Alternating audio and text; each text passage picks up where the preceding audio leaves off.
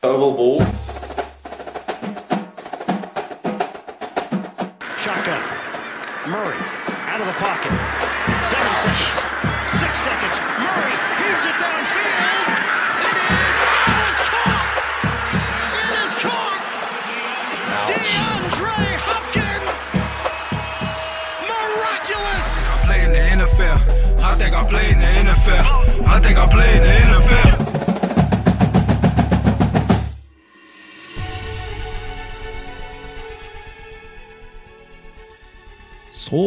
Inn i helsikes hjertelig velkommen til Oval ball. I studio i dag, Reia Mulsjorder og min alltid tilstedeværende mann Stian Syversen. Halla. Men Kenneth, han er borte. Han vil ikke mer. Han vil ikke mer. I dag skal vi oppsummere week one på oval ball pater-style-måten. Vi ser fram til runden i helga og plukker ut våre favoritter. Vi har leksjon tre av blocking school med Pontus. Ellers har vi ukas anbefaling, og vi må dykke litt inn i at Kenneth er borte igjen. Eller i hvert fall snappen går til det, Stian. Football til folket. Fotball til folket, Reir.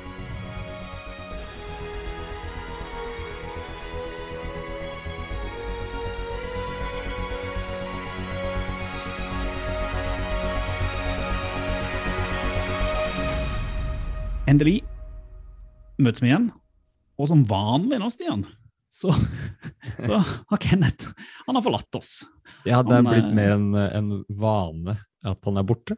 Ja, enn at han er til stede. Det er jo eh, litt trist.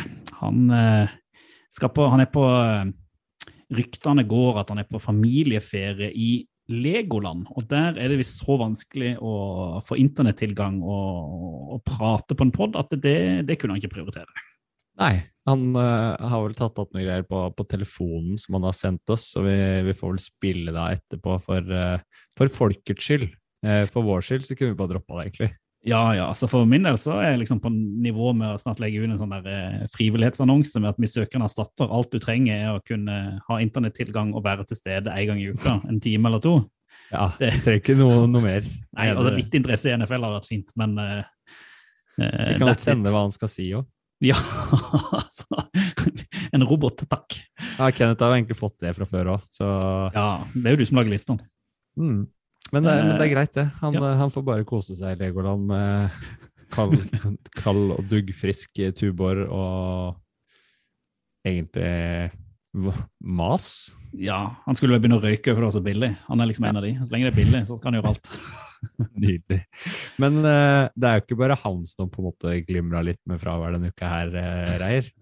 Nei, altså uh, Nå sitter vi, I dag er det onsdag. Uh, Målsettinga vår var jo at eh, vi egentlig hver tirsdag skal prøve å spille inn eh, en episode, og det skulle vi Mhm. gjøre i går òg.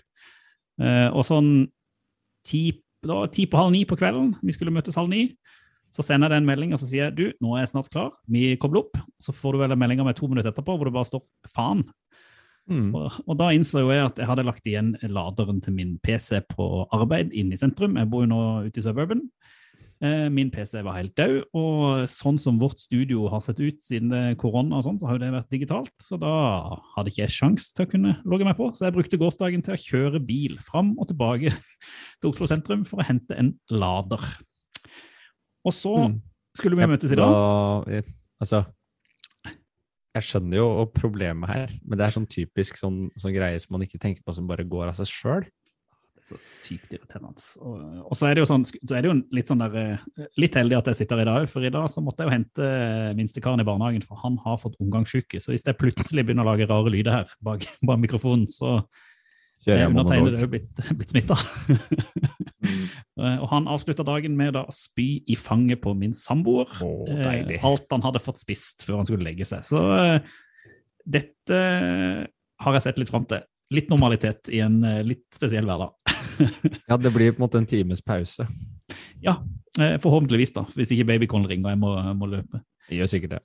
Eh, Men du Stian, du, det, du har jo gleda deg veldig, du og Kenneth i alle fall, hvis han dukker Mm. opp et spørsmål, til at jeg skal til London og se fotball. Men uh, der har det skjedd noe oh, litt oh, eh, skummelt nå. Nei, det, vi, det er jo ikke bare bare å få tak i de billettene til London Games heller, som det heter. På Tottenham Hotspur Stadium, hvor vi skal se Falcons og Jets. De billettene måtte man jo søke om på forhånd for å få lov til å få stå i kø for å kjøpe.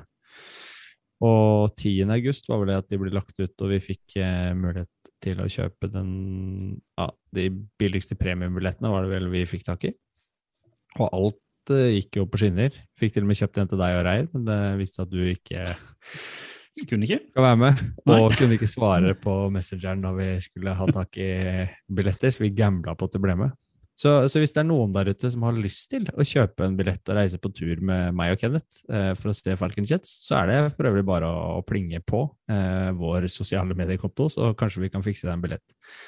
Hvis alt går i orden, da, vel å merke, etter å ha hørt den historien som kommer her nå. Ovalballpodder på alle plattformer, eller oh, ja. kontakt etter ovalball.no, så er det jo sagt. Men det som hadde skjedd her, da, det var jo det at uh, siden du ikke skulle være med, så tenkte vi at du skulle liste den bare på Ticketmaster, som, uh, som eh, distribuerer og, og har billettoversynet med NFL-matchene i London. Jeg logga meg på. Ingen billetter var til knytta kontoen. Jeg har bekreftelsesmailen. Eh, Jeg har også blitt trukket penger for billettene. Viktig poeng. Men billettene var ikke på kontoen. Så nå eh, har jeg sendt en mail og bedt de om å prøve å fikse det. Eh, og jeg skulle logge inn igjen, og da funka det ikke å logge inn på kontoen. Eh, da måtte jeg reaktivere kontoen og måtte finne frem noe sånn sporingsnummer og noe skitt som jeg ikke hadde, så alt ble på en måte nullstilt. da. Men jeg har liksom tro på at det skal ordne seg fordi jeg har samme mailen tilknytta de kontoene jeg på en måte har starta på nytt, og det som de har sendt bekreftelsesmail til, og har vært i kontakt med de nå, er egentlig på daglig basis og mailer frem tilbake for at de skal finne det. Så det vil overraske meg veldig når jeg har både referansenummeret på og bekreftelsesmailen og har blitt trukket penger, for at ikke det her går i orden. Men det hadde vært fint å ha de på kontoen, og jeg som jeg har jo fått ansvaret for kjøreplanene til liksom våre sendinger av en grunn, da. Fordi jeg har et snev av kontroll. Ja, noe. Ja. Noe. Eh, og derfor ville jeg gjerne at det her skulle være i orden nå.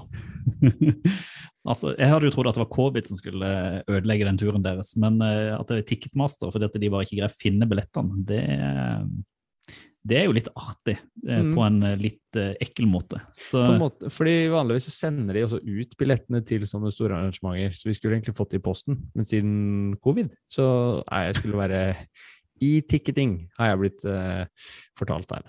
Så, Så, da må eh, man sikkert logge inn for å laste ned billettene til telefonen og sånn, men det er jo ikke noen billetter der. For å si det sånn, dette er en føljetong vi skal, skal følge opp. det her eh, kommer til å bli kok. Og jeg tipper at hvis det har skjedd det, så har det kanskje skjedd noen andre der ute. Så gjerne ta kontakt med oss hvis dere har med en Ticketmaster-clinch, så kan vi lage felles front eh, fra oval ball eh, for å sikre at alle som har fått billetter til tur til London, òg får muligheten til å dra.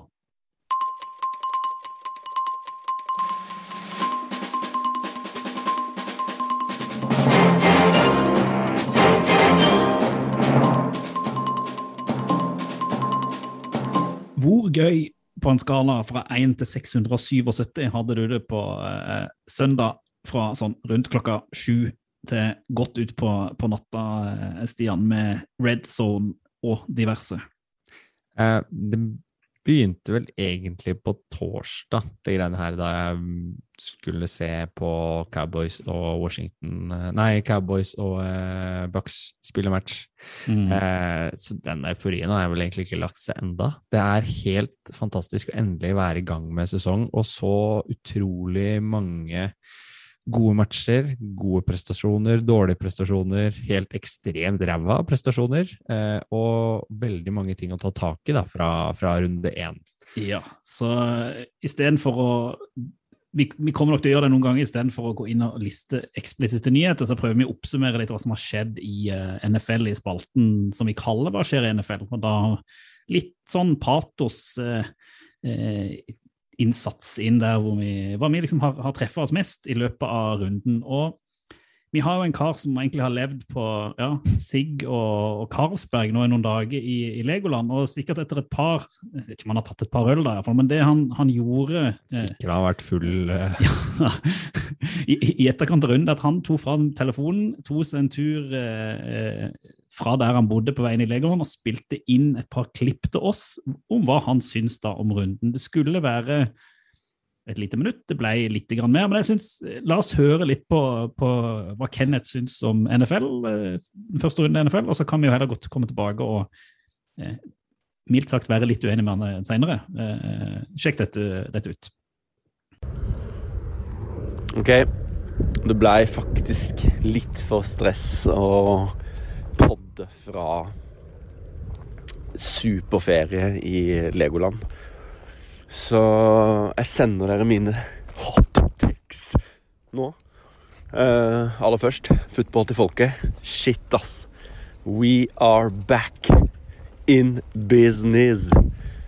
Det var jo bare helt nydelig å flippe på eh, Red Zone 7 Hours Commercial Free Television på søndag. Pre-crisp eh, internet connection i Legoland. Eh, det var eh, utrolig gøy å se. Mitt første take er jo bare så sykt gøy å se de unge gutta. Se de levere. Jamar Chase. Fantastisk eh, første kamp etter alt eh, PC i preseason. Um, Jalen Hurts, det var gøy å se. Vært mye surr Eagles, og han har jo ikke akkurat fått supertillit.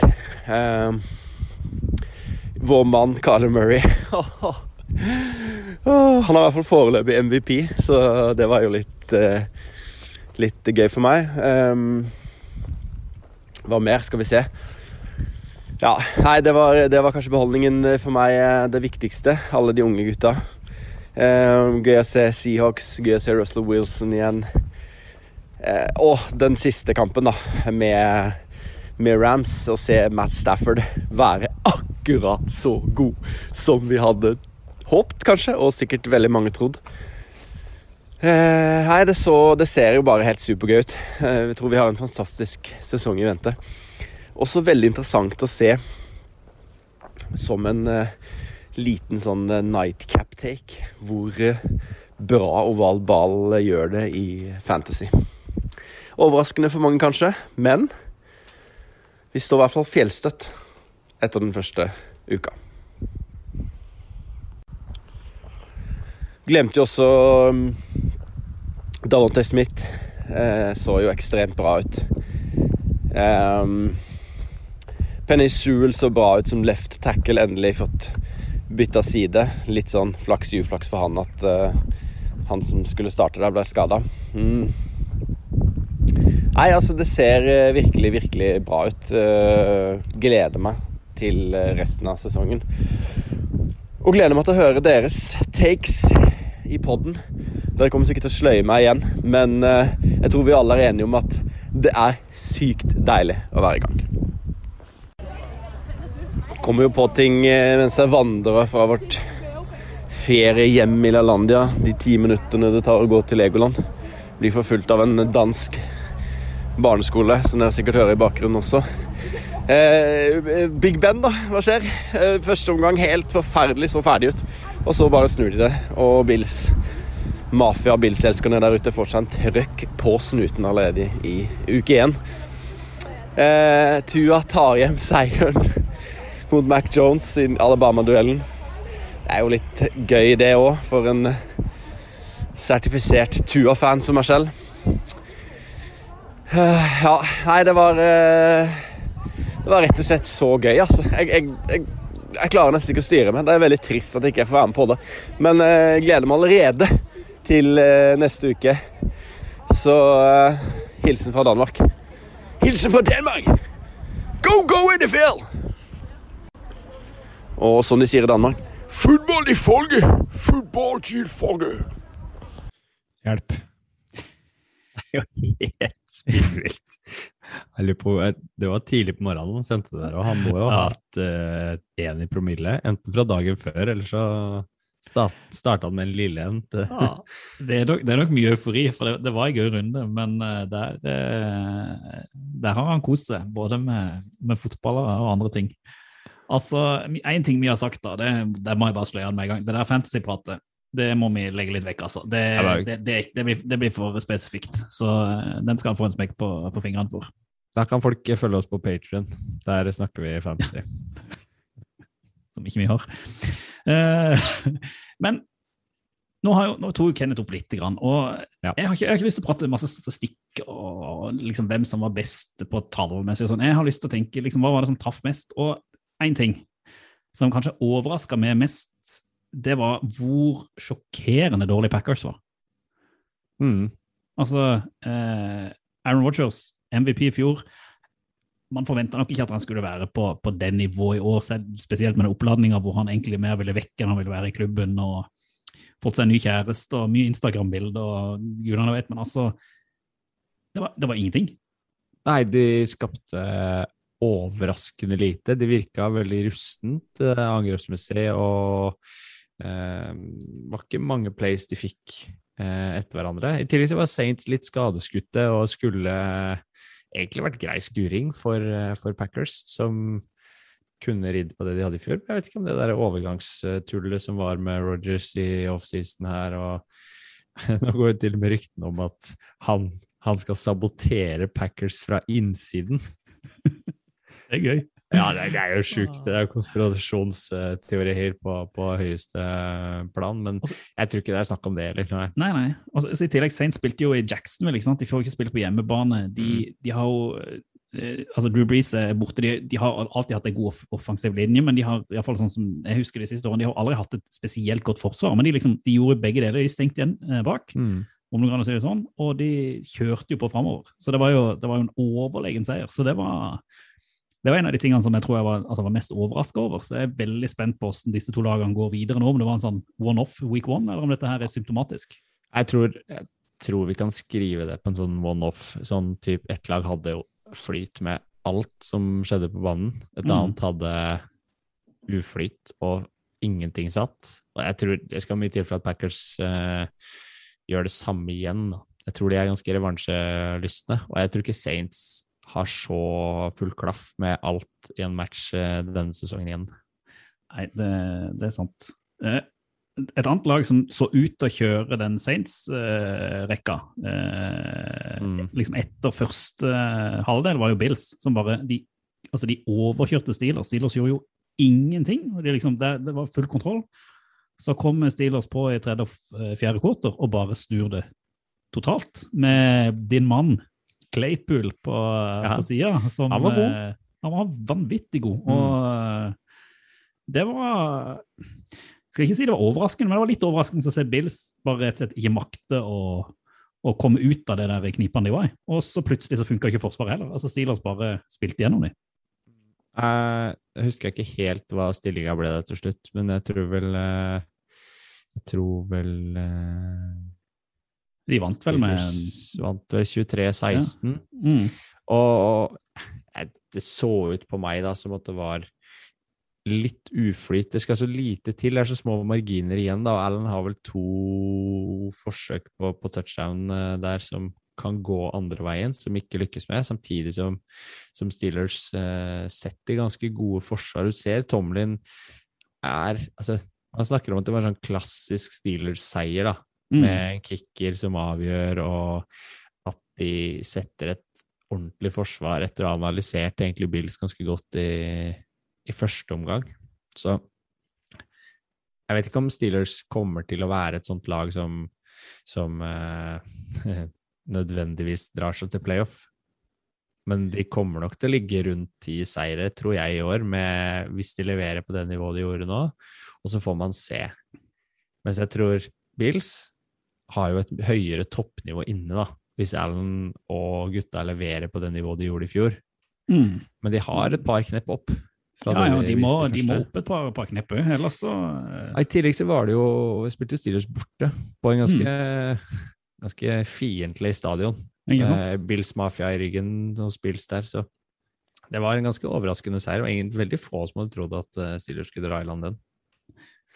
Og så må vi jo, selv om Kenneth prater, vi må prate litt om Cardinals. For det er vel kanskje den andre som sto litt ut for min del. Jeg hadde ikke trodd de skulle være så gode. Jeg spiller borte mot Titans, hvor du har eh, Kyler Murray eh, offensivt, og så har du da monsteret Chandler Jones, altså. Fem-seks, 5-6, var det ikke det han sto igjen med? Jo, 5-6. Det er det verste jeg har sett. Altså Han uh, left tackle, nå kommer jeg ikke på navnet hans i farta. Tweeta Ja, han, ja, for Titan som tweeta ut en unnskyldning. i- Jeg husker ikke Leven, er det han Mm. heter. Mm. Eh, Titans han, tweeta jo en unnskyldning og bare la seg langflat og forklarte han har blitt skolert i å spille fotball av eh, Chandler Jones. Ja, Og det er klart at skal du slå Skal du slå eh, Skal du slå Titans i år, så, så er det jo ikke feil å ha en spiller som, som gjør fem-seks på, på banen. Eh, og samtidig så holdt jo Man snakker jo om at liksom, nøkkelen til å slå, slå Titans er å holde Derrick Henry nede på antall eh, yards, samtidig som du nå må stenge av for eh, for f.eks. Uh, Julio Jones. Jeg tror ikke Julio Jones var løpet 90 yards eller sånn. Ja, det, var, ja, han var ikke, altså det kommer til å bli bedre utover sesongen, men det Ja, ja. satt i hvert fall ikke i første, første kampen. På- Nei, altså del av de. Placet som, eh, som Kyler Murray gjør der. Han hadde vel to touchdown passes til eh, D-Hop, eller DeAndre Hopkins, som var uh, fete. Til Christian Kirk, som leverte. Altså, jeg syns Kyler Murray gjør noen sånne gjør noen sånne spektakulære ting da, som veldig få gjør etter ham på en fotballbane. Han er så kul å se på, så hurtig som han er til beins, og så leken som han er liksom i fremtoninga, og hvordan han navigerer seg mellom motspillere som ikke de får ikke tak på ham. Han er en patos-quarterback, og det er jo derfor vi elsker ham i Val. Helt fantastisk. Og så kommer jo selvfølgelig Kenneth frem, og jeg tippa han som MVP før sesongen. Han, han må jo liksom gni det inn da, i alle mulige kanaler, men, men Men, men alle, alle vet jo at han har det toppnivået. Problemet til Kyler Mm. Murray, og det var det jo i fjor òg, at han greier jo ikke å holde det. og det er jo der spørsmålet er at Han må kunne holde det hele sesongen, og da, da kommer det til å bli altså, fantastisk. Vi Men jeg, vi vet jo ikke om han får det til. Nei, så vet vi ikke helt hvor taket hans er, da. Altså, vi snakker jo at han har høyt toppnivå, men hvor høyt er det, da? For spilleren på det nivået som han leverte nå i helga, da er jo virkelig Cardinals et lag man kan regne med, som, som i utgangspunktet var litt avskrevet i divisjonen, da. Man trodde jo kanskje at Cardinals var det laget som kom til å bli en kasteball mellom Rams, 49ers og, og Seahawks foran seg i NFC West, men nå får de nå får de andre tre lagene å bryne seg på, tror jeg, da. Men vi må jo altså, apropos, vi må jo prate litt om de tre lagene òg, når du Mm. nevner de. Altså, Ja, Litt sånn, sånn uh, Russell Wilson og Seahawks ser jo liksom ut at de er litt tilbake i rute der vi forventer at de skal være. Altså, Stafford og Rams. Jeg, jeg, har jo, jeg har jo hatt en litt sånn hemmelig forelskelse i Stafford mens han har vært i Lions, fordi at han har Lett et så å si nå, vanvittig Ja, jeg har- det har jeg sagt før òg. Bare det sagt. Han har et så vanvittig toppnivå, men Lions har jo vært så dritt. Og det å se han under McVay få lov til å spille, få lov til å kaste Altså Rams får jo en helt ny dimensjon, i tillegg til at de har det vanvittige forsvaret de har. Så det Altså Rams tror jeg kan gå, gå hele veien, hvis de fortsetter der de, der de var. Og så var det jo 49, altså var jo de var jo helt fantastiske helt fram til de, de rota det til. Så, apropos Detroit Lions, altså de ga jo Goff en liten vei inn, men eh, med å liksom både miste og det der eh, onside-kicket som gikk gjennom, og det var ikke en måte på. Men der var det jo, de var jo fullstendig suverene fram til siste quarter. Mm.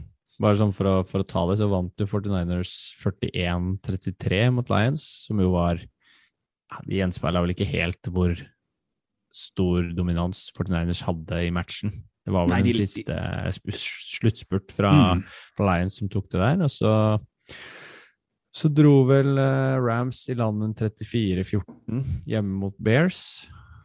Og eh, Og eh, Cardinals nevnte vi jo.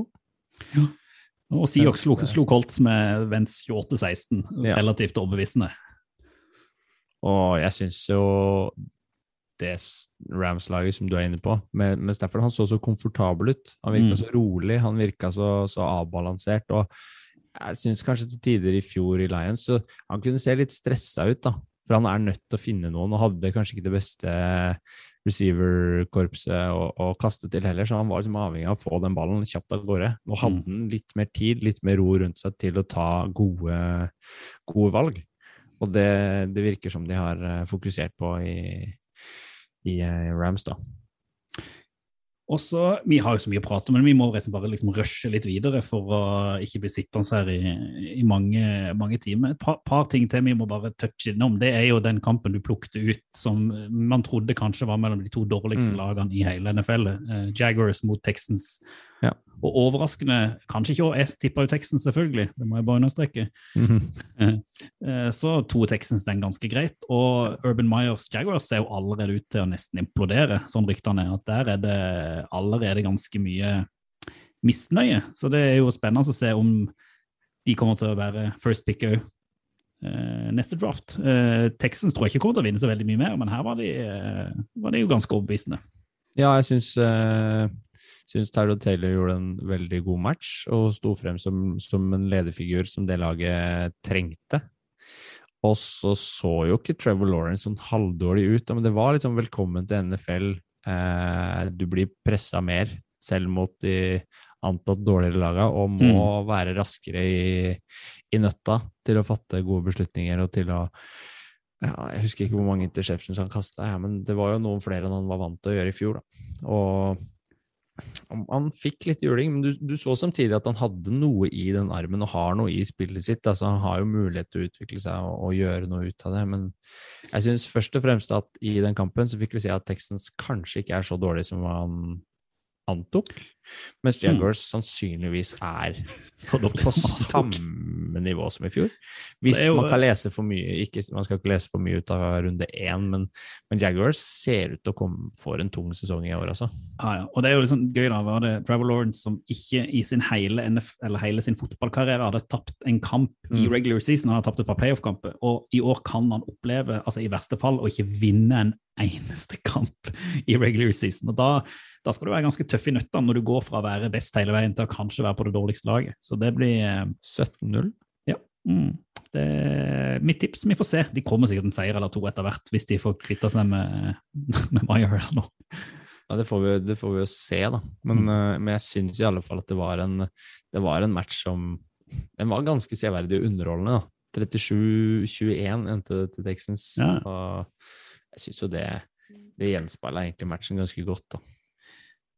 Og helt på, eh, helt på slutten av oppsummeringa så eh, er det liksom bare eh, to, ja, to ting. Én ting må vi prate om, bare litt sånn noen som var rå. Det var rått å se Christian McCaffrey tilbake. Mm. Altså, Panthers blir jo et helt nytt, uh, nytt lag. Og så var det jo litt rått å se Sam Darnold få den revansjen mot Jets, hvor Panthers da slo Jets ganske komfortabelt og, og overbevisende. Og uh, Ja, 1914 var ikke så jeg syns det. Jeg er jo, en, jeg er jo Panthers og Darnold-fan, så jeg, jeg kaller det overbevisende, selv om ikke det var kanskje så overbevisende som man skal ha det til. Mm. Eh, og så var det jo gøy å se eh, at Tua ikke var helt ute. Mac Jones var, eh, virker som å være det han er blitt sagt å være. Stabil, rå. Jeg syns, eh, bare for å ta dit den duellen, plukka Mm. vel jeg ut den matchen eh, i forrige uke, men eh, Tua Mac er jo en, eh, skal vi si, en sammenligning som har blitt gjort i en rekke medier og podkaster, og eh, mange trekker jo egentlig frem Mac Jones som den som kom best ut av den duellen i den matchen. Mm. Han så mer komfortabel ut og, og eh, tok smeller og var enda mer oppe i ringa egentlig enn det, enn det Tua var. Og hørte vel noen sitater på at uh, hadde de bytta om på quarterbackene, så hadde Dolphins vunnet mer. Eh, så jeg tror Tua har noe, og han starta fint, hadde en eh, rushing touchdown og, og var, eh, var jo mer på jobb enn han var i fjor, syns jeg. Det var ingen, ingen grunn til å bytte han ut, men han får jo mye hjelp av, av de spillerne rundt seg. Kanskje mer enn det Mac Jones fikk. Og Patriots-fansen er nok veldig fornøyde med valget som Bill Belichick har gjort der nå, med, med å egentlig satse og legge alle korta i Mac Jones-kurven, og, Mm. og satse fullt ut på han. Og så hadde vi jo håpa å få se litt Fitzmagic. Det ser- ble det jo ikke. Han eh, ble jo skada og er ute. Eh, og der har jo jeg, jeg har spådd tidligere at kanskje Cam Newton sitt nye sted eh, er under sin gamle trener i Mm. Washington Football Club, og jeg står ennå for at det bør være en reell mulighet her hvis det, den skaden er, langvarig. Men det må vi jo bare, må vi jo bare se. Mm. Jeg syns eh, det er en spådom som du kan vurdere å sette penger på der, her, du som er godt i gang med tippinga. Ja, altså, det, det må man jo si da. I fjor så tippa vi vel på NFL alle runder. Jeg hadde vel av 17 runder, eh, 16 runder i fjor, tippa jeg riktig én gang. Så jeg tror ikke jeg skal liksom stole for mye på tippekunnskapene mine. Men jeg, jeg, jeg flyr på det lille, lille hav. Mm. Det siste jeg må si, og det er liksom en sånn overgang til eh, vår neste spalte, men det er jo at den første kampen i week one og den siste kampen i week one Gud hjelpe meg oh, hvor ja. propaganda for NFL. Altså, sesongen starter med Tampa Bay Buccaneers mot Dallas Cowboys. Altså, Vi, vi kunne prata en time om den kampen der òg. Mhm. Jevn Cowboys så mye bedre enn jeg trodde. Bucks overbevist òg, og likevel og går jo av med seieren, men liksom fantastisk tett og jevn kamp. Og så får du hele liksom, bøtteballetten på søndag og søndag kveld, og så kommer Monday Night Football. og bare, Det er noe av det villeste fotballkampene jeg har sett i, altså i min NFL-karriere, mellom uh, Raiders og, og, og Ravens. Oi, vi, vi skal prate mer om det, altså, men det må jeg bare si. Det, det kunne ikke vært en bedre start på sesongen. Nei, jeg må bare, bare legge til når jeg satt og så på Ravens og, og Raiders-matchen. Første ti minuttene så tenkte jeg åh, for en møkkamatch det her kommer til å bli. Det var så ukonsentrert, det var snapper som ikke ble tatt imot, det var generelt dårlig kommunikasjon, dårlig mye sånn unødvendig penalties. Det var liksom det var litt uryddig hele greia, og det kunne jo blitt en match som, som du liksom hoppa bukk over og tenkte at dette er ikke noe, det blir en uh, seier til et av lagene med, med noen få poeng. Men det gjorde det jo for så vidt, men ikke med det forspillet som det ble etter de Fra, fra Ra eh, Raiders eh, løp inn første touchdown, så var det et fyrverkeri av en fotballkamp. Ja, det, så hvis, hvis sesongen fortsetter sånn, så skjønner jeg ikke helt nesten hvorfor folk ser på andre sporter. For det ja, det er jo helt Jeg, jeg satt liksom må- måpende jeg så highlightsene dagen etterpå, og, og liksom bare nesten applauderte, selv om dette her var nesten en døgn siden kampen gikk.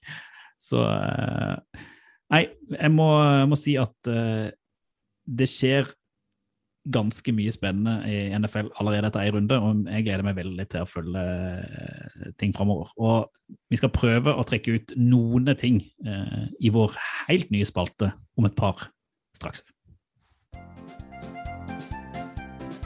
Topp tre. Tre topp. Pott tre. Opp tre. Topp tre. Ovalvals, topp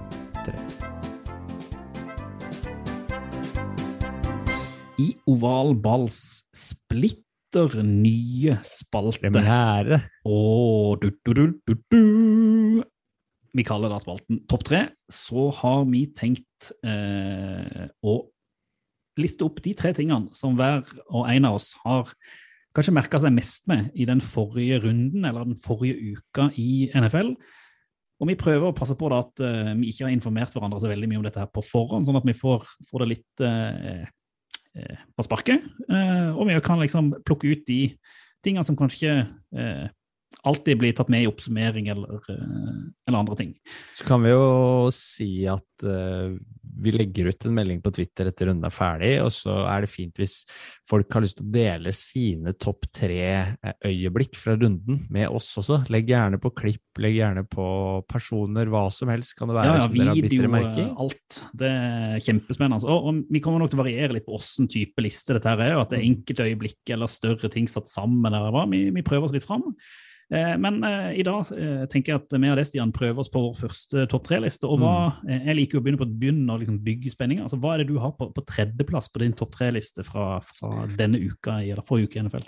Ja, tredjeplass eh, denne runden her eh, har jeg egentlig lagt meg på det vi egentlig kan kalle toppkampen som var. Men det gjelder jo egentlig flere kamper. Men det er egentlig prinsippet om hvordan kampen mellom Browns og Chiefs til slutt ble avgjort. Mm. For det var en uh, interception. Uh, Baker Mayfield ble Mm. tatt litt og feilberegna kastet, som ble plukka. Kampen avgjort. Chiefs dro ut tida. Og etter å ha kommet tilbake og, og ligget under til å begynne med, så, så viser Patrick Mahomes igjen at han er NFLs beste quarterback noensinne. Og guider Chiefs mot, uh, mot Baker Mayfield uh, igjen og Browns. Og så må man jo spørre seg om liksom, hva må til for å slå Chiefs, da? Når Baker Mayfield omtrent spiller en prikkfri match. Men de var så gode. De Ja, de var- så gode. Altså, det var sånn som om Chief bare glemte å møte opp, og allikevel så møter de opp på slutten, og så haler de det inn. Ja, og det er, det er den måten de kampene i NFL blir avgjort på slutten. Og det er gjerne noen lag som drar de og får den, eh, den vippen hver gang. Og Mm. Er et av de lagene som til stadighet, eh, til stadighet får de der små marginene sin vei. Og da er det ikke liksom flaks lenger. Da tenker jeg at det er dyktighet og, og eh, press, og samtidig som jeg, jeg vil ikke kalle det flaks, jeg vil kalle det dyktighet ja, når, de, når de får til det. Men, men det jeg vil liksom frem til her, er om mitt, mitt eh, tredje eh, tredjeplassen på min liste er egentlig måten NFL-matcher avgjøres. Man ser at det er jevnere enn man skulle tro. Veldig, veldig fin tredjeplass. Jeg er helt enig. Det er dritgøy hvordan kamper man tror er avgjort, plutselig bare switcher rundt, og så endrer det seg. Eh, Og det er liksom alt aldri ferdig før det er ferdig. Nei. Men se på din uh, treer. Var det Reier? Er du- Nei, altså, vi har jo i Oval Ball, og det har vi gjort nesten altså, før vi begynte å diskutere podkast, så har vi hatt en sånn der greie hvor vi har lurt veldig på altså, hva er greia med kickere i NFL. Mm. For det, og det er liksom min tredjeplass. Det er det, det kickere, og det er litt ut fra denne uh, uh, runda her. Og vi kommer nok til å komme tilbake og kjøre en større diskusjon, for spesielt vi og Kenneth har diskutert det mye at man bruker jo nesten ingen penger på kickere. Det virker som at det, det er liksom en, sånn, en plass som man bryr seg lite om, uh, men den har en enorm effekt, altså enorm verdi i tette og jevne kamper. Og altså, bare i kampen mellom Dallas og Tampa Bay Buccaneers, hadde Dallas hatt en kicker som var stabilt god, Mm. altså Greg Sørland var jo fullstendig krise, så hadde de vunnet den kampen. For han bomma vel på to eller tre field goals, ikke sant? Eh, og så sitter han ett på, på slutten, men det var liksom Hadde de hatt en kicker der, de hadde vunnet den kampen. Så ser du Raiders med eh, Daniel Carlson som setter denne her 55-yarden rett før slutt, før overtime, Mm. og liksom får overtime, og så går de, går de hjem, og så vinner de den kampen. Igjen, hvor viktig kickeren er for å liksom vippe de kampene i riktig vei. Og da Cincinnati Bengals, Bengals, som hadde en fryktelig sesong i fjor, vinner første kamp, takket være liksom, eh, McPherson, som tar det sparket helt på slutten. Og allikevel, kickere virker liksom til å være en sånn nedprioritert greie. Og så kan man jo til en viss, viss grad forstå det når man ser på uh, Twitteren til Rodrigo, Rodrigo Blankenship, som er kicker i Colts, hvor han har lagt ut et bilde av seg sjøl ved siden av DK Metcalf. Eh, hvor han ser ut som han som, går, som er 15 år gammel og går ungdomsskolen med litt, sånn, litt for store briller og får lov å møte sin superhelt. Men begge de to spiller da i, i NFL. Så det, Han har litt sånn Steve Urkel-preg, hvis man tar den referansen. ja, vi, vi skal se om vi kan finne det bildet og få lagt ut på våre sosiale medier. Så jeg skjønner jo at det ikke er den mest eh, glamorøse posisjonen, men jeg, liksom, på tredjeplassen min det er å liksom heve litt statusen til kicker, og det kommer jeg sikkert til å gjøre gjennom hele denne sesongen. fordi at ja, de gjør ikke så mye, men de har en ganske stor betydning eh, i kamputfallet. Gang på gang på gang, og Week One viste, viste det. Godt poeng. Din Mm. eh, andreplass, Stian? Andreplass, eh, kroppskontroll. Åh, nå tror jeg jeg vet hvor du skal.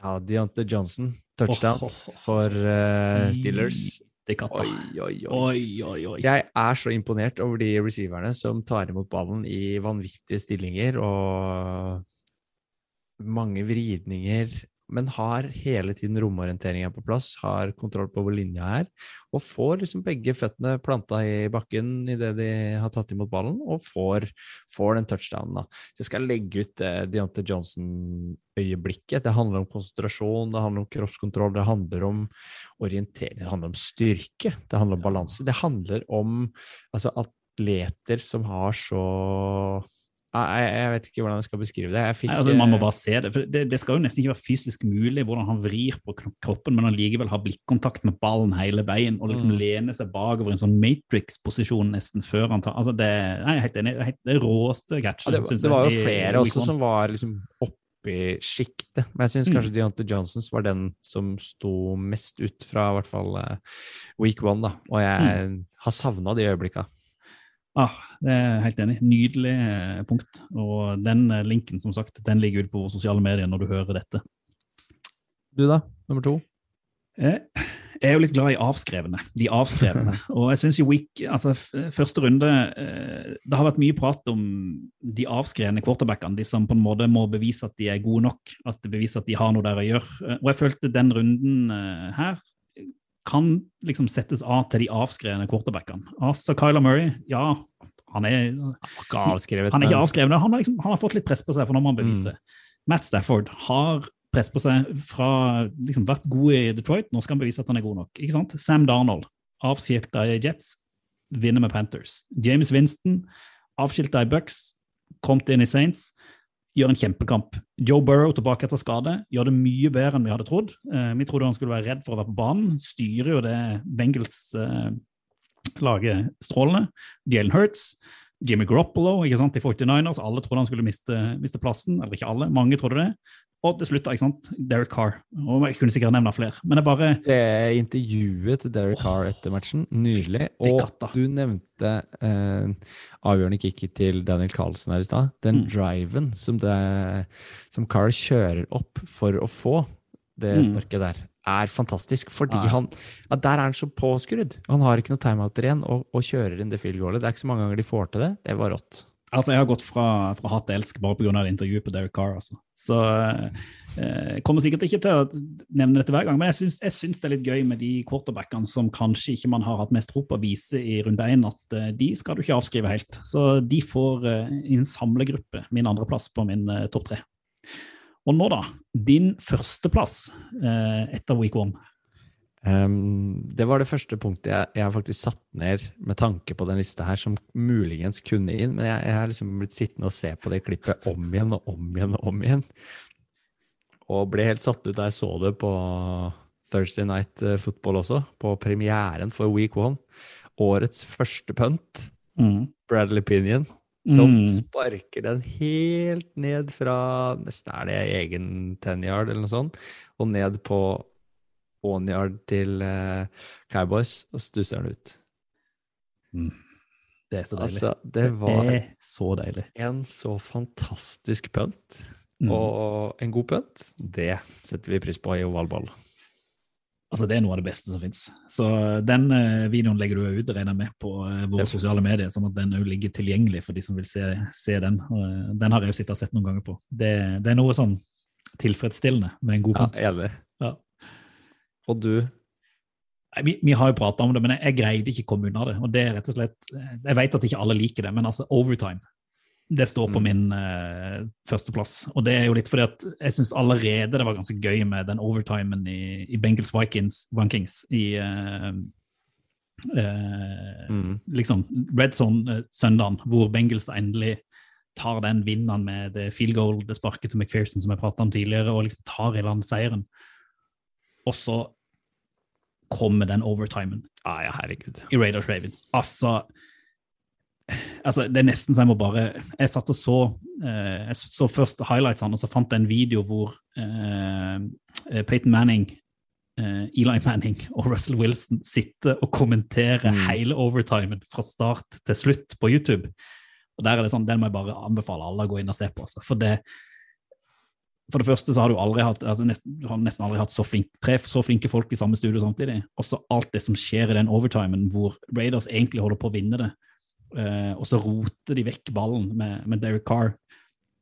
Uh, og så skal, og så skal liksom The Ravens opp og ta det, og så blir det en fumble der, og så kommer ja, Jeg skal ikke gå inn altså, Men det, det altså en helt spinnvill Ja, men Forspillet der Ja, ja. Forspillet der er jo at de først sender på kicker unit, og så drar de tida, så får de en penalty, og så bytter de om og sender innpå Derek Carr og receiver unit igjen. Og, Og da blir Ravens-forsvaret bare helt satt ut. Ja, det sier du hører eh, Manning-brødrene og Wilson sitter og kommenterer dette og sier at what's, what's happening here? Are they kicking? No, they're, they're just stalling time. No, oh, they're confused. Oh. Og så bare Ja, altså helt fantastisk. Så det er soleklart Wilson, eh. Wilson hadde, jo- skulle jo egentlig sitte og studere video sjøl for, Ja. eh, for Seahawks, men tenkte at nei, jeg lærer mer av å sitte her sammen med de gutta, så jeg, jeg fortsetter, å, fortsetter å gjøre det. Så enig. Og de overtidsmatchene.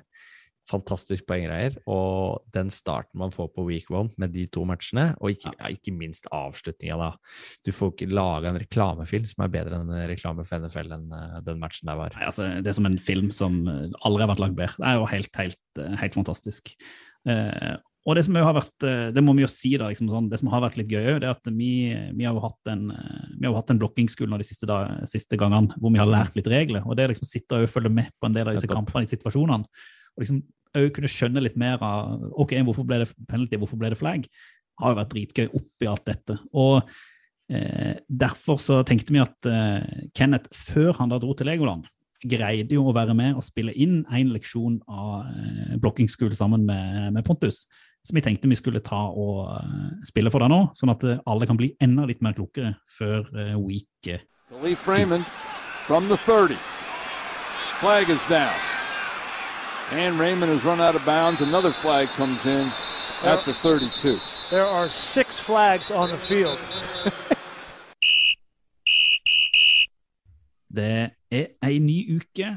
Vi er godt inne i Ovalballs eh, blokkingskole, og vi har selvfølgelig med oss Pontus denne gangen også. Og i dag er vi litt ekstra spente, fordi at det er kanskje den blokkingregelen vi har syntes har vært mest si, spennende slash rar, som vi har skjønt ingenting av, som vi skal diskutere i dag. Og det er, og jeg syns det er et gøyt navn, altså.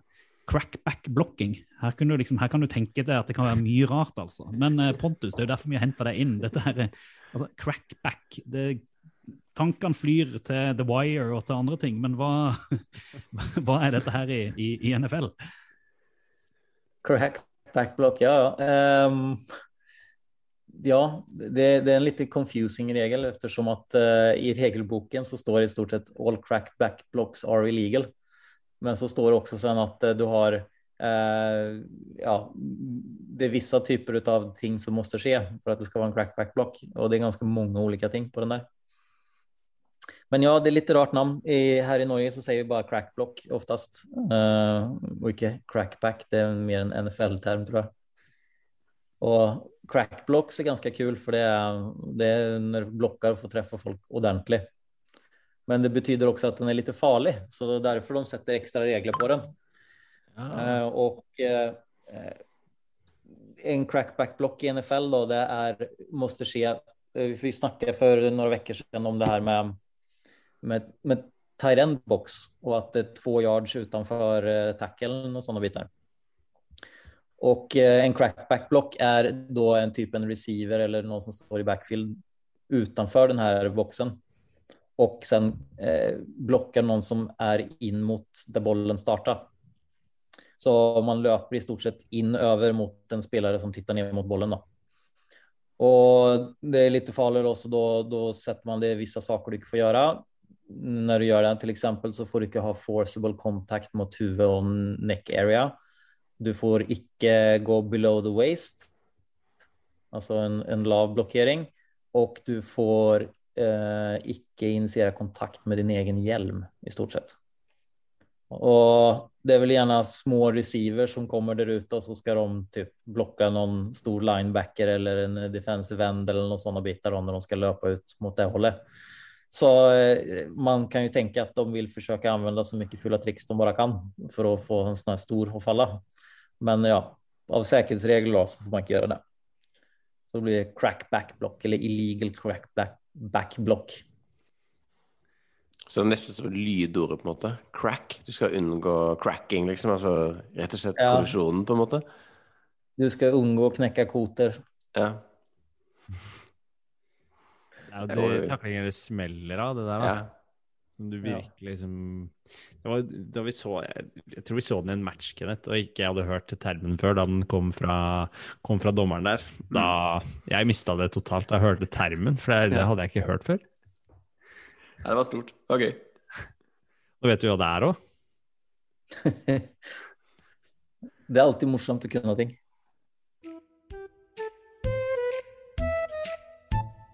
Hva skal du se på? Hva skal du se på? Rundens utvalgte. Som sist uke så tenker vi i ovalball å plukke ut noen få utvalgte kamper i spalten Rundens utvalgte, for å gi noen tips om eh, hvilke kamper vi syns du skal ha et ekstra lite øye på i den runden som kommer nå til helga. Og vanligvis så pleier vi bare å skal vi egentlig bare plukke ut én kamp hver, men siden Kenneth ennå sitter og drikker pils i Legoland, så Mhm. føler vi at vi kan ta en frihet til å velge to kamper hver den runden, ikke sant? Jan, siden sesongen nettopp er begynt. Jeg syns det er riktig. Forrige uke så valgte vi jo to hver fordi det var premiererunden. Men vi skal holde oss på på én hver. Som folket, det er nok for folk å følge med på tre kamper, tenker jeg. Jeg er enig i det. Og så har man jo eh, alltid red zone, i alle fall for en, for en del av de. Så eh, jeg har jo da valgt eh, red zone-kamper, rett og slett, denne gangen. Mm. Altså de som går i red zone-tid, sånn at man derfor kan følge de samtidig. Det er jo fint for en familiefar som skal legge seg litt tidlig, sånn at man liksom sitter på søndag kveld og følger med. Eh, den ene kampen jeg valgte ut, er litt fordi at det er eh, en, fordi at det er en divisional game, som har litt ekstra å si, og også fordi at det er to lag som eh, kommer fra eh, to ulike opplevelser, eh, men hvor eh, det ene laget som tapte, nok er favoritten, og det laget som vant i week one, eh, er underdogen. Og det er jo selvfølgelig Buffalo Bills mot Miami Dolphins. Eh, jeg syns det er kjempespennende å se om Bills hadde en one-off nå i week one, eller om de rett og slett ikke er så gode som vi trodde. Og så er jeg veldig spent på å se hvor gode Dolphins egentlig er. Og jeg føler dette er nesten enda mer testen enn mot, mot Patriots. Eh, nå møter de kanskje favoritten i, i divisjonen. Eh, en viktig kamp hvis de har lyst til å, å kjempe om divisjonsseieren. Eh, og her tror jeg Tua virkelig kommer til å bli pressa eh, av forsvaret til, til Bills. Du så hvordan de holdt Steelers, i alle fall i én Altså one half. Men jeg er usikker på, mye mer usikker på Bills denne gangen enn jeg var uh, forrige uke. Uh, selv om jeg heller mot, selv om Dolphins uh, spiller hjemme, så heller jeg mot at Bills tar denne, for det må de nesten, skal de være med i kampen om divisjonsseier og Superbowl.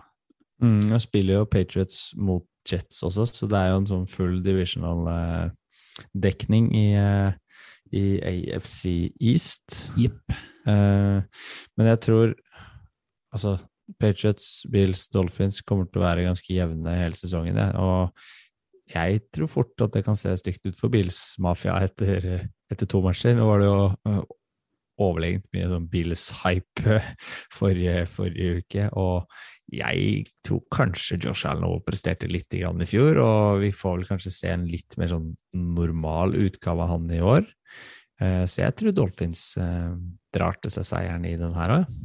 Spennende. spennende. Hva er første kampen du har et ekstra fokus på til helga? Jeg har valgt nå å legge meg på eh, vår eh, altså ovalballs MVP-favoritt. Eh, Kyle Murray spiller hjemme mot eh, Vikings i ørkenen. Og jeg tror at det kan bli en fantastisk kamp å følge. Vikings er revansjesugne etter overtidstapet mot eh, Bungles. Og, og opplevde vel og sa vel sjøl der Simmer, head coach, at etter, eh, etter matchen at eh, de kunne være et bra lag, men de må bare vise det. og det var vel litt der det står. Da hadde de noen spillere som, som presterte bra, som Mike Pierce, eh, Daniel Hunter og Eric Hendricks på, i forsvarsrekka, da, som sto relativt bra mot, eh, mot Bengals. Mm. Men de dro på seg unødvendig mange penalties. Litt sånn rustne. Uh, illegal formation penalties, for eksempel. Som tyder på at de ikke helt hadde kontroll på hva de Eller ikke kommunikasjonen kanskje satt helt da, i første runde. Og Rashad Hill, som på offensive tackle uh, kanskje får møte Chandler Jones nå uh, Eller blir en liten duell der med Chandler Jones, for å se om han liksom klarer å stå opp der. Eh, det kan jo bli spennende å Det følge. Spennende å se, altså. Mm. Rashad Hill hadde en ganske dårlig match nå mot, eh, mot Bengals. Og så er det jo D-Hop, Murray, Mm. komboen og Murray som leker seg. Bare det er jo verdt eh, å følge ja. med på den kampen, syns jeg. da. Men en ting jeg synes er litt gøy med denne kampen, det var denne type kamper Cardinals tapte i fjor. De Mm. kampene hvor man hadde en viss forventning om at de skulle vinne, at de skulle ta kontroll, og så røyk de. Så eh, jeg syns jo dette jeg synes er en kul, kult valg av det, for jeg føler at dette her kan definere litt av sesongen for the Cardinals. Hvis de går inn her og tar den her like overbevisende, så kan jeg begynne å tro på dem, men jeg frykter jo at uh, Vikings rett og slett kan dra i land denne seieren. Revansjesugne har sett litt Mm. hva Kyler og de har gjort uh, i eh, week one, og at de rett og slett drar til Arizona inn i ørkenen og henter med seg et par ekstra vikinghjelm hjem og tar den seieren.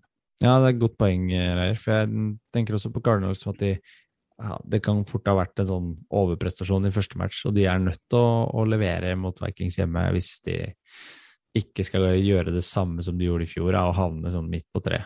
Mm. Du har valgt en til? Jeg har én divisional game til som jeg syns er spennende. Det er jo eh, New Orleans Saints mot Carolina Panthers, som eh, tidligere ofte har vært en sånn divisional eh, kamp hvor man har kjempa om eh, seieren i, i divisjonen. Det jeg syns er litt sånn spennende her, det er jo at begge to kommer fra en eh, eh, relativt overbevisende seier. Saints helt ekstremt mot Backers. eh, Panthers sånn OK mot Jets. Eh, og jeg er veldig spent å se hvordan de to lagene står mot hverandre. Eh, om eh, Panthers, som har et ganske stabilt forsvar, og McCaffrey og Darnold, om de kan liksom greie å true Saints på noe vis, og om de virkelig greier å stoppe en James Winston som virker til å være on fire. Men det jeg òg syns er veldig spennende med James Winston, er jo om det er den James Winston vi kjenner, fra Tampa Bay Buccaneers-karrieren. For da hadde han av og til noen sånne enorme topper.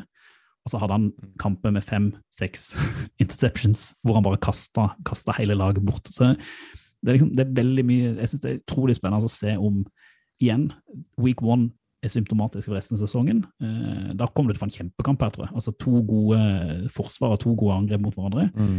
Eller om ett av lagene her rett og slett faller litt gjennom eh, av at de enten møtte et ukonsentrert Packers eller et dårlig Jets, eh, og liksom at du får en veldig klar, eh, klar seier.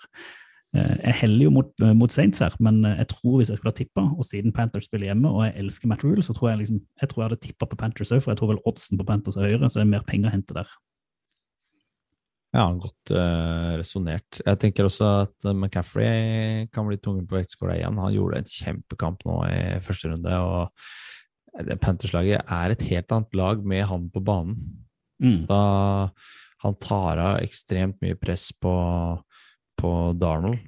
Uh, og du ser også at Darnold produserer relativt mye bedre og, og ser ut til å ha litt mer selvtillit i uh, Panthers-laget enn han hadde i, i Jets i fjor. Og ja, Matt Rule har sikkert uh, strøket medhårs og bygd opp selvtilliten og, og sørga for at playboka og passer Darnold ganske godt. da. Ja, og så er det jo, Jeg elsker jo da en kamp mellom to avskrevne quarterbacks, som dette her er. Det er liksom just up my alley, så den skal jeg følge litt ekstra. Nydelig. Og du, da? Siste valget? Siste valget er vanskelig. Det var flere matcher jeg sto og, og tippa litt på her når, eh, når man skulle velge. Fikk du førstevalget denne runden her, så jeg lander vel på Sunday Night Football-matchen mellom Og det er jo en toppmatch sånn historisk sett, og sett de siste åra i AFC, mellom, mellom eh, Kansas City Chiefs og Baltimore Ravens.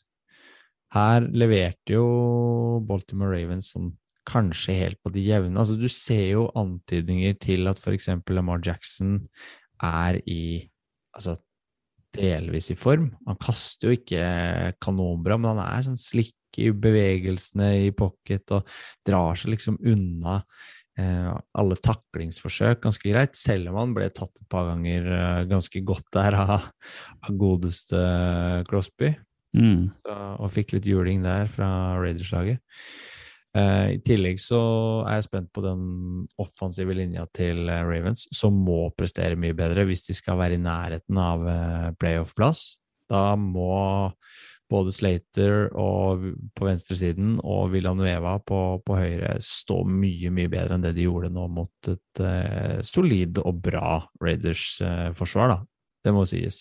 Og både Carl Nassib og, og Max Crosby gjorde gode matcher for, for Raiders. Mm. Men i Chiefs så møter de liksom et lag av ah, Det er to knep opp fra det Raiders-laget, og spesielt eh, forsvarsmessig.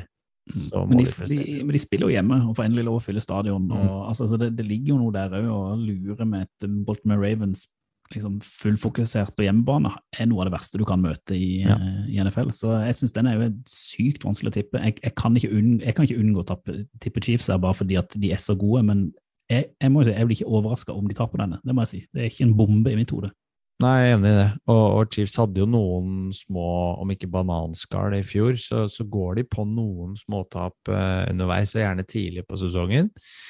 Eh, men de viste jo mot Browns at når når de møter de beste lagene, så får de liksom tippa marginene riktig vei. Og, og mot Ravens kan det fort bli en sånn kamp igjen. Og gjerne at de blir liggende under en, fra start av, men Mahomes har for vane å hente frem noe, og Travis Kelsey var jo et monster i kampen mot Browns. Så de gutta som skal levere for, eh, for Chiefs, er på jobb. Uten tvil. Nei, det blir eh, sykt morsomt. Og vi får touche litt innom dette her når vi prates i Mm. neste uke. Og så er det jo sånn at det kan vi jo si at oval ball hver uke leverer inn en liten, en liten oddskupong hvor vi tipper ett lag, eh, sier at ett lag hver. Så jeg tenker jo neste runde så må vi kanskje smelle den i bord allerede i forkant, og så får vi følge litt opp om vi tjener penger, eller om vi bare kaster pengene ut av, av vinduet de neste, neste ukene. Det blir jo det siste. Helt sikkert.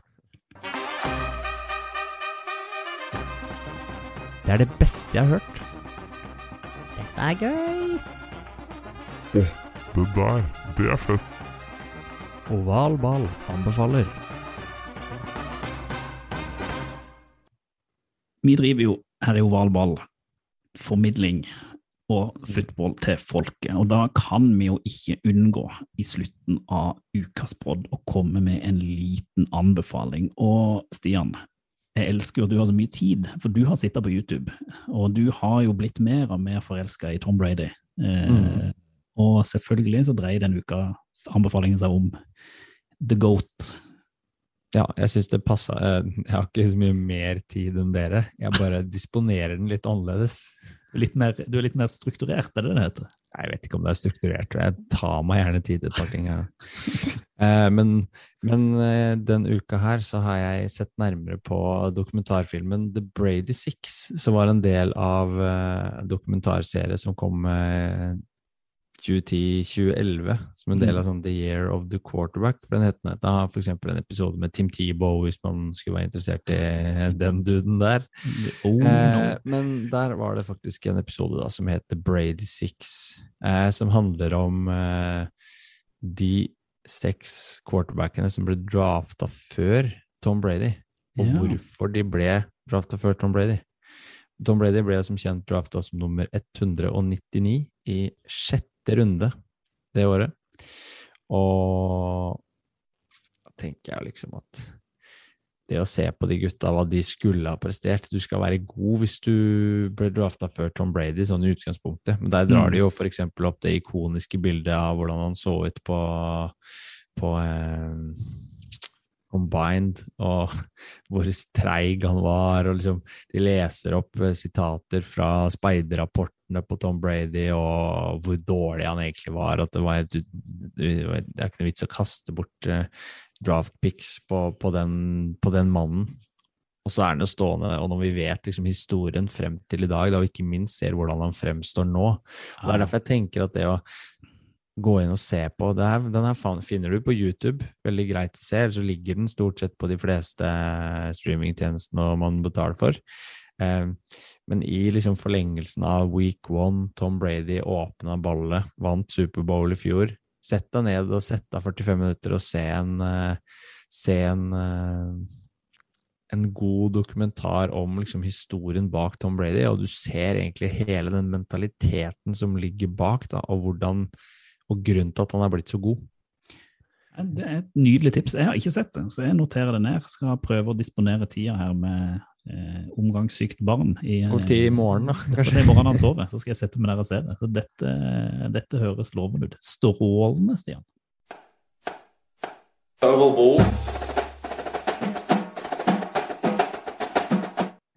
Ukas episode nærmer seg en ende, og uh, mens Kenneth har sittet og pimpa Carlsberg i, i Legoland og bygga slott, så syns jeg vi har uh, kommet oss greit gjennom uh, week one. Altså, det er nesten sånn at hvis hver uke skal være så innholdsrik som week one, så er det nesten litt vanskelig å oppsummere og få tak på det, for det skjedde Altså, jeg har glemt hvor mye som skjer i Mm. løpet av en sesong, altså i løpet av ei uke, når man ser alle de kampene. Så jeg håper jo det, altså. Men det er ja, utrolig gøy å få lov å prate om kamper, innholdet i kamper, hva som har Ja. skjedd. Jeg håper nesten, nesten å si at vi, vi skulle pusta litt letta ut etter at vi har kommet oss gjennom sendinga her, men, men det er match eh, om en, noen få timer igjen. Ja, Det er Så Giants, Giants mot. Washington. Ja. Ja, og det Mm. er også en eh, match som kan uh, Er det verdt å se et Chase Young der? Ah, det er så mye fotball, og det er så fint. Heineke Altså. skal få spille, Fitz Mm. er ute, Daniel Jones Hva kan du by på? Nei, det her er det bare å sette seg ned med blyanten og notere ned til neste topp tre og prøve å hente ut de tingene som eh, Tror det. Så trenger. er det jo spennende å se om vi får med oss Kenneth neste uke, da. Ja, altså hvis ikke han er stuck i uh... Kommer han seg hjem igjen? Blir det karantene? Det Blir han værende i LaLandia en uke til? Det blir en spennende føljetong. Men mens vi venter på håp om at Kenneth slipper inn i landet og eh, har med seg riktig koronapass og ikke havner i karantene, og at familien blir stengt eh, ute i Danmark og hva enn som skjer, så syns jeg vi skal takke for i dag. Mm. Og rett og slett bare passe på å nevne at eh, dette og resten av høsten, det kommer til å bli dedikert til football, til folket. Football til folket. Do the Titans have a miracle left in them in what has been a magical season to this point? If they do, they need it now. Christie kicks it high and short. Going to be fielded by Lorenzo Neal at the 25. Yeah, give it Pitches it, back to Wycheck. He throws it across the field to Dyson. He's got something. 30, He's got something. 50. He's got it. 40, He's got it. 20, 10. He's got it. End zone. Touchdown Titans. There are no flags on the field. It's a miracle. Tennessee